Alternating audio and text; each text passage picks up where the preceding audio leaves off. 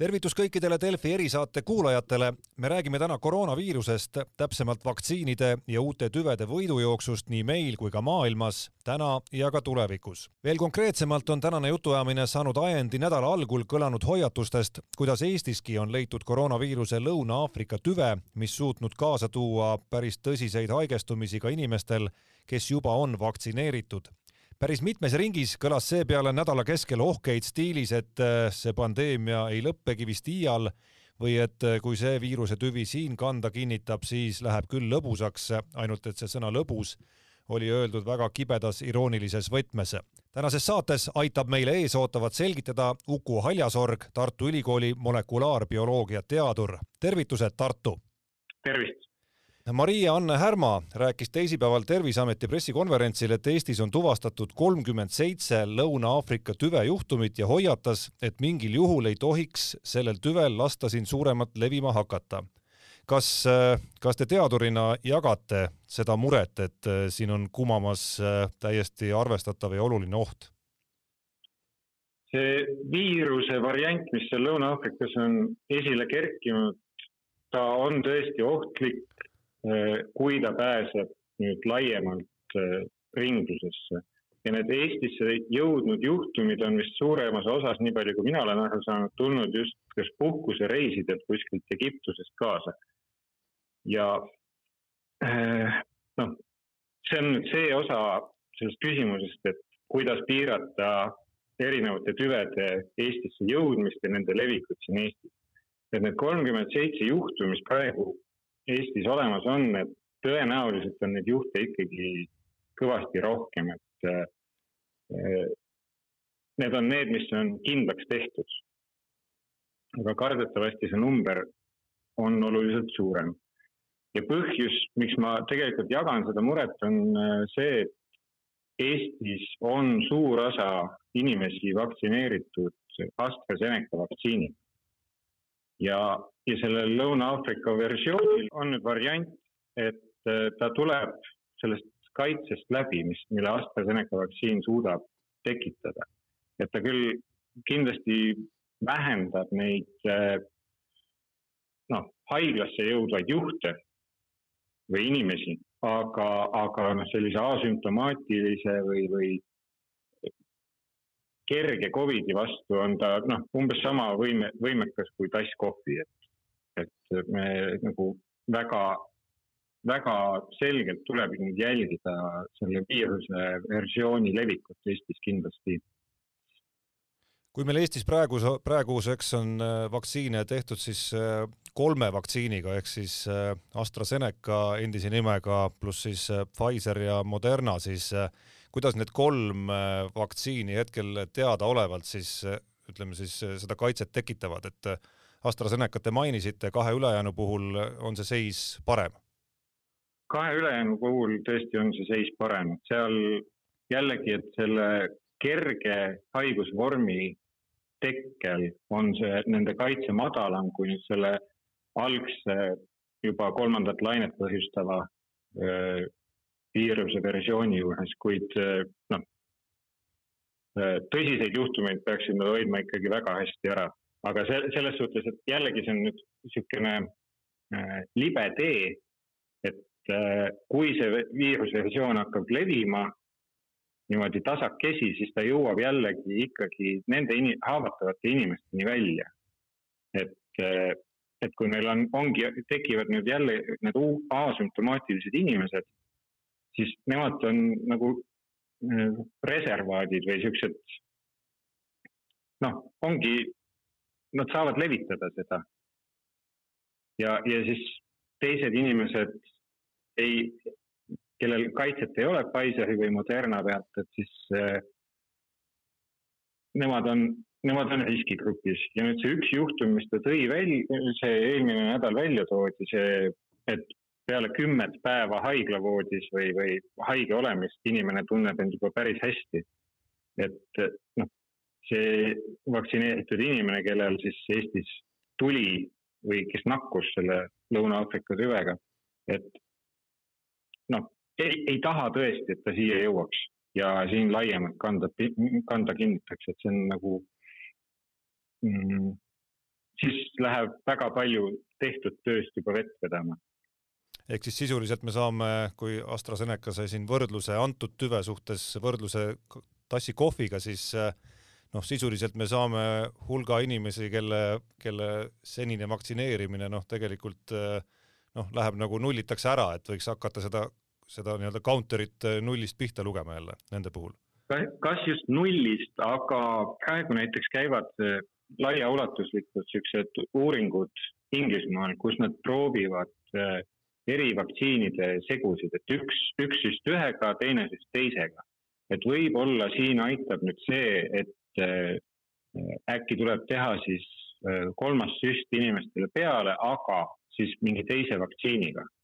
et see võib juba anda tegelikult päris hea efekti, aga noh, praegusel hetkel eh, tehakse seda, süstitakse niimoodi ainult Saksamaal, et kes siis panid AstraZeneca üldse seisma ja ühes vanusegrupis ja et nüüd teine süst tuleb siis kas Pfizeri või Modernaga. just selle trombiohu tõttu, mis, see kaduv väike trombioht, mis AstraZenecaga kaasas käib.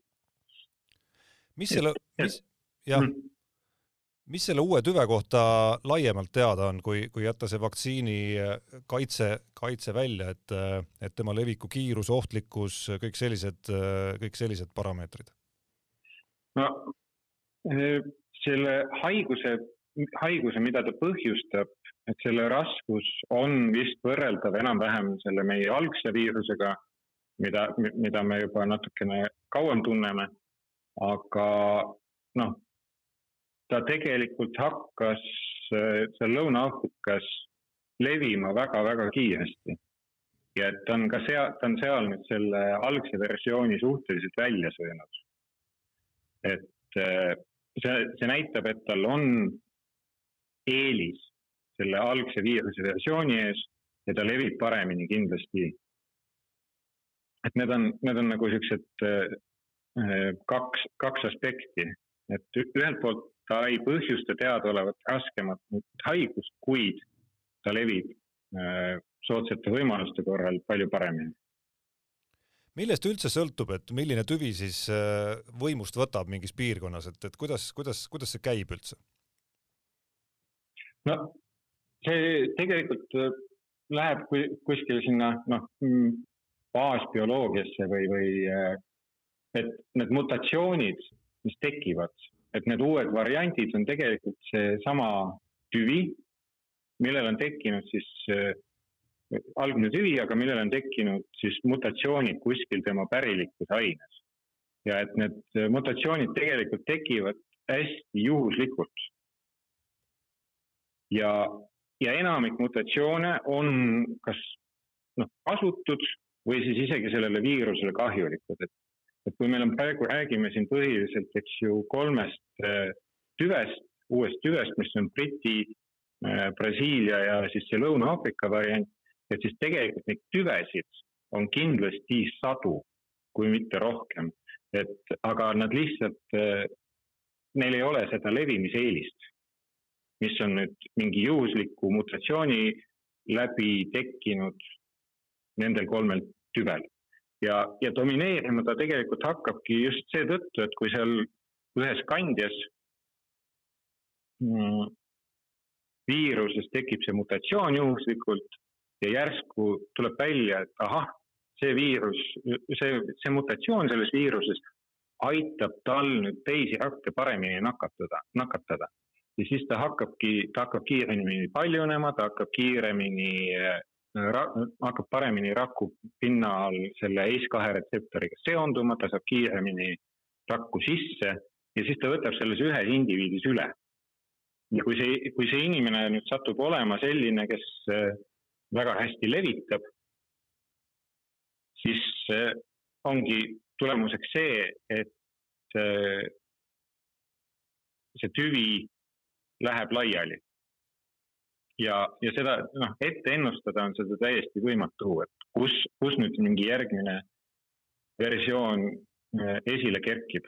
et see ongi hästi-hästi oluline on praegu saada inimesed vaktsineeritud, et see viiruse võimalus muteeruda ja, ja uusi tü tüvesid nagu välja aretada. kui niimoodi inimlikust vaatepunktist rääkida, et see võimalus muutuks võimalikult väikeseks tulles ja tulles selle lause osa juurde, mis ütles, et üks olulisi faktoreid või olulisemaid, millest see levik sõltub, on siis see, et äh, kui palju see üks inimene nakatab, noh siis põhimõtteliselt on küsimus selles, kui hästi ta hoiab äh, kontakte miinimumini ja, ja teeb kõike seda, millest me oleme siin aasta aega rääkinud. just see konkreetse tüve või mutatsiooni kandja.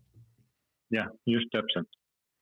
ehk siis äh, selles mõttes on ta selline äh, noh, kui nüüd konkreetselt Eesti konteksti panna, kus meil, kus meil hetkel Suurbritannia tüvi on selline valdav äh, koroonaviiruse tüvi, nendel, kellel see viirus leitud on, et, et, et siin on väga palju juhuslikkust ikkagi, et kas Lõuna-Aafrika võtab selle üle või mitte? jah, no mida kauem on avatud puhkusereisid, mida rohkem inimesi neid praegu ette võtab, seda rohkem seda viirust meile tegelikult ka sisse imporditakse see on niisugune kurb tõsiasi, et, et äh, tegelikult praegu reisile minna, no mina, mina ei lähe sest et äh, see reisile minek ei ole hetkel ohutu. ja, ja isegi siis, kui inimesed on vaktsineeritud, siis tegelikult see nii-öelda noh, ma ei tea, normaalse reisimise juurde tagasiliikumine peaks toimuma ikkagi järk-järgult ja väga vähehaaval et äh, meil ei ole e-, võimalik äh, ette ennustada seda efekti või seda tulemit, et äh, kui nüüd see Brasiilia versioon tõesti või, või Lõuna-Aafrika versioon siia jõuavad, et siis palju-palju suuremas mahus. et kuhu me siis omadega jõuame, et seda on väga keeruline ette ennustada. no Brasiilia tüvest oli siin juba juttu aga oli ka juttu sellest, et neid tüvesid tegelikult on äh, sadu. siin on käinud läbi ka, ka India kohta, kohta juba mingeid jutte, et seal on levimas midagi, midagi sellist, mis võib ähvardada ka teisi üle maailma. Äh, ma küsin mm -hmm. nii, et millised tänaseks avastatud äh, koroonatüved maailmas võiks siis kvalifitseeruda spetsialisti hinnangul sellisteks, mis, mis võivad siin mõjutada väga oluliselt seda, kuidas, kuidas see pandeemia edasi kulgeb?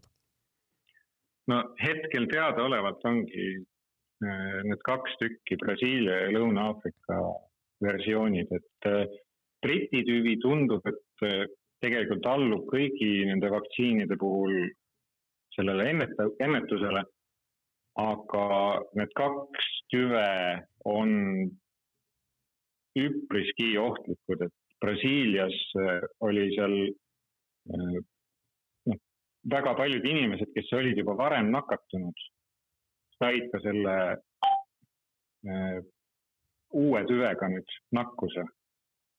et ta suudab, ta petab immuunsüsteemi nii hästi ära, et immuunsüsteem ei saa aru, et ta on tegelikult selle viirusega varem juba kohtunud. et see on nagu uus viirus põhimõtteliselt? ei, ta ei ole uus viirus, et ta lihtsalt äh,, lihtsalt on muteerunud sellises kohas tema, tema selles pärilikus aines, mille pealt siis äh, saadakse, mille pealt äh, tehakse siis temale vajalik, eluks vajalikud komponendid või nakatumiseks vajalikud komponendid. et seal on toimunud selline mutatsioon, mis siis äh, immuunsüsteem seda konkreetset kohta ära ei tunne, et ta saab näiteks väga kiiresti rakku sisse ja siis ta ongi juba antikehade eest peidus tegelikult et äh, antikehad rakku sisse ei saa minna, antikehad saavad siduda ainult viirust, mis on äh, rakust väljas ja siis ongi järgmine etapp on juba see, et kus antikehad saavad mängu tulla, on siis, äh, kui viirus hakkab rakust väljuma et, suurtes kogustes. et ütleme siis nii, ta käitub nagu oleks uus viirus?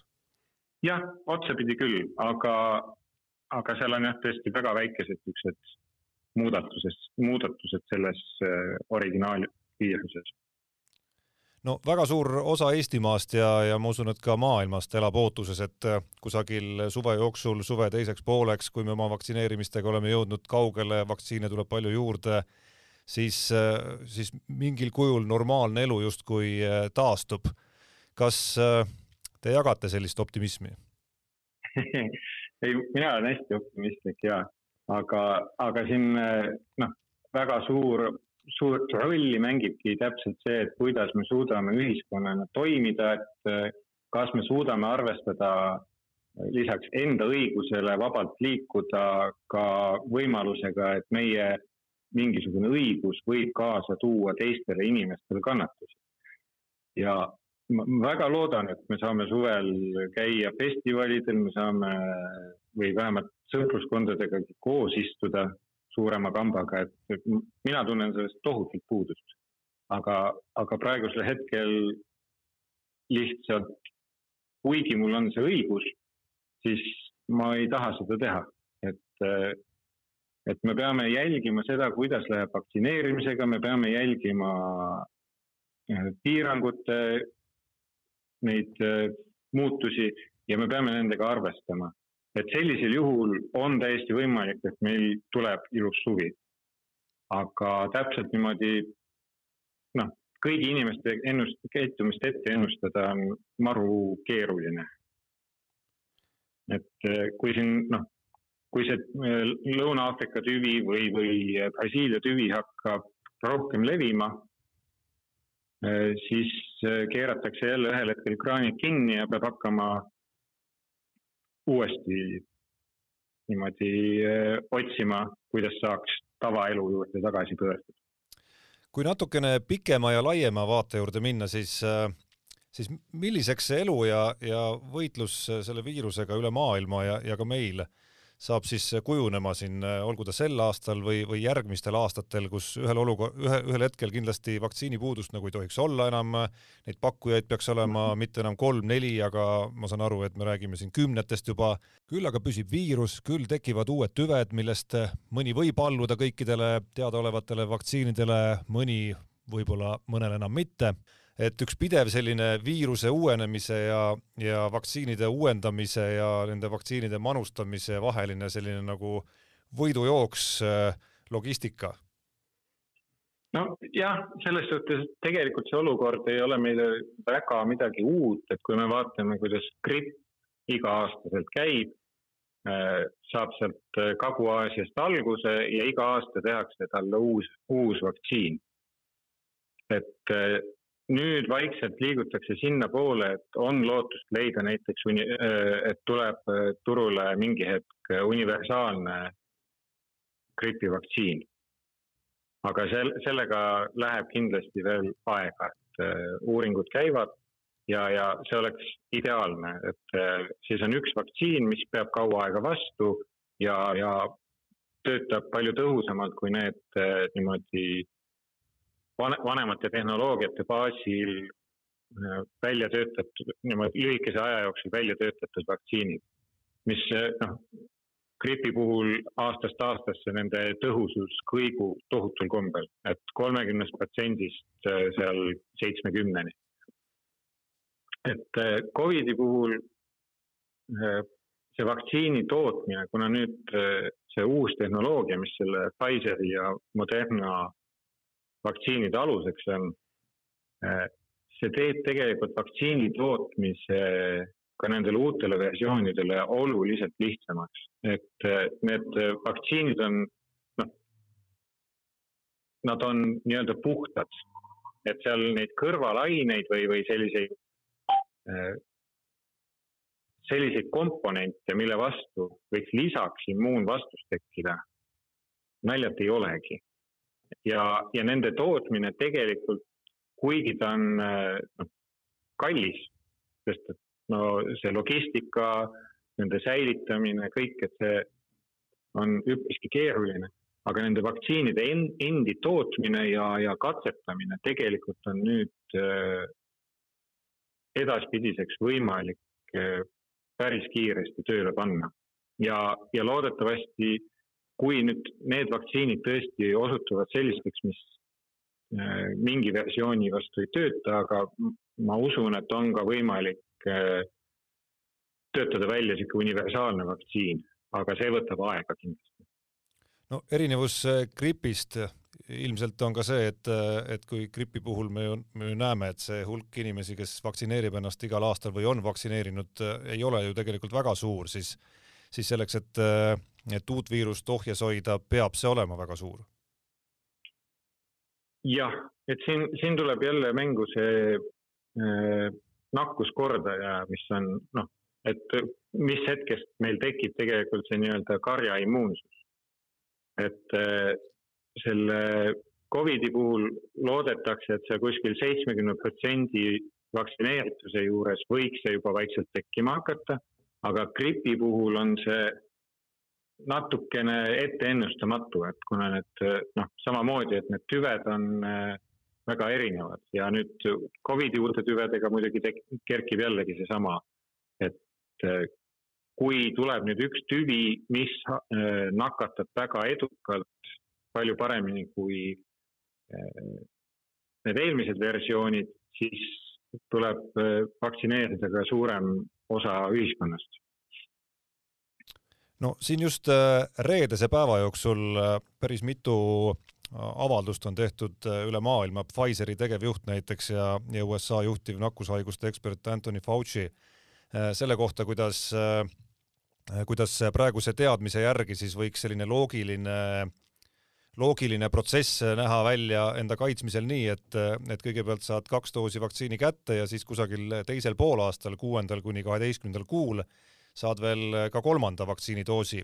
Ja, ja see peaks siis nagu antikehade arvu kehas nii kõrgele tõstma, et, et see võiks isegi igast mutatsioonist äh, üle olla. Ja siis, siis kui see on nii kõrgele tõstetud, siis äh, peaks seda lihtsalt igal aastal uue vaktsiinisüstiga äh, värskendama või uuendama ja, ja tõstma jälle siis nii-öelda kõrgemaks, et, et kas see tundub selline väljavaade, mis meid, mis meid võiks ees oodata, mismoodi see elu hakkab käima?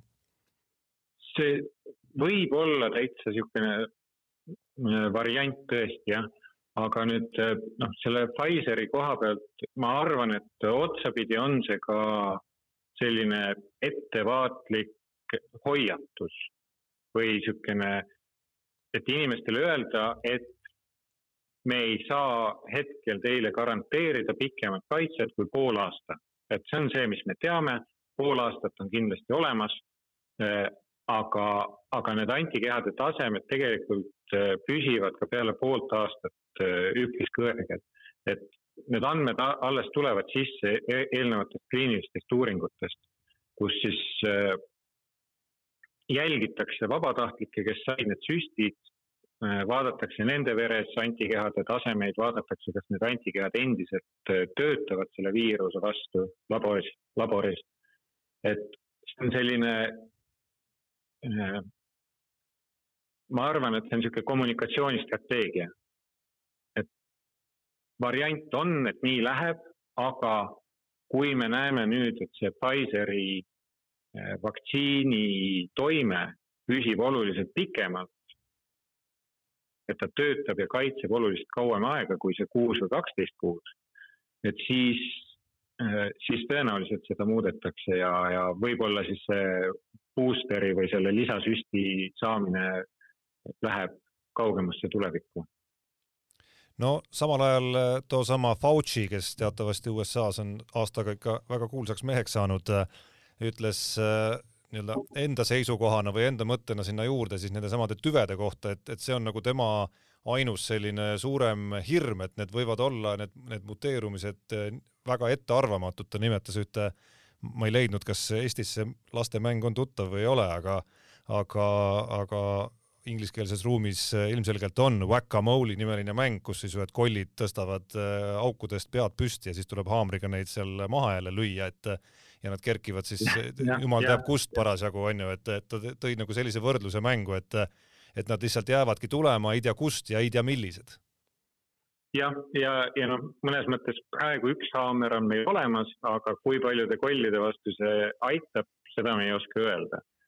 Ja, ja noh, mis ma siin ennist ütlesingi, oligi seesama, et äh, nende mRNA vaktsiinide puhul, et nende väljatöötamine nüüd tulevaste variantide vastu on tegelikult äh, lihtsam, et siin on nüüd näha, et äh, mis eelmine aasta märtsis läks asi tõsisemaks või, või kuskil seal veebruaris ja, ja tegelikult vaktsiinid vaktsiinide siuksed kolmanda faasi katsed olid juba suve lõpuks tehtud. ja turule jõudsid nad, noh, Iisrael hakkas vaktsineerima detsembri keskel üli, ülikiiresti Pfizeri vaktsiini. et nende kollide vastu, jah, ma loodan, et ka nende vastu tulevad vaktsiinid, et aga kust nad tulevad? Nad tulevad nad sellistest kohtadest, kus on äh, viirusel hea levida. Äh, ja saab seal pikalt vinduda inimeste sees, tuleb sellistest kohtadest, kus äh, see vaktsineerituse tase on madalam ja levib ta siis nendest riikidest, mida ma just kirjeldasin, aga, aga kus siis hakatakse, kus on näiteks turism väga arenenud. et lääne, lääne inimesed või Aasia inimesed, jõukamad käivad seal puhkamas. ja siis niimoodi ta laiali, laiali levibki. nii et siin paistavad korraga nagu optimistlikud ja, ja mitte nii optimistlikud äh, sõnumid äh, üsna segamini. ei, no ma väga tahan loota, et, et me saame selle asja, jõutakse selle vaktsineerimisega kiiresti ka vaesemate maade juurde, et noh, kui me võtame Aafrika ette, kui me võtame noh, seesama Lõuna-Aafrika, ega neil ei ole ka seal üleliia hästi nende vaktsiinidoosidega. et, et see peaks olema niisugune noh, üleilmne pingutus asi kontrolli alla saada, et kui meie siin Euroopas oma mulli tekitame, et siis, siis meil on mõnda aega siin tore elada.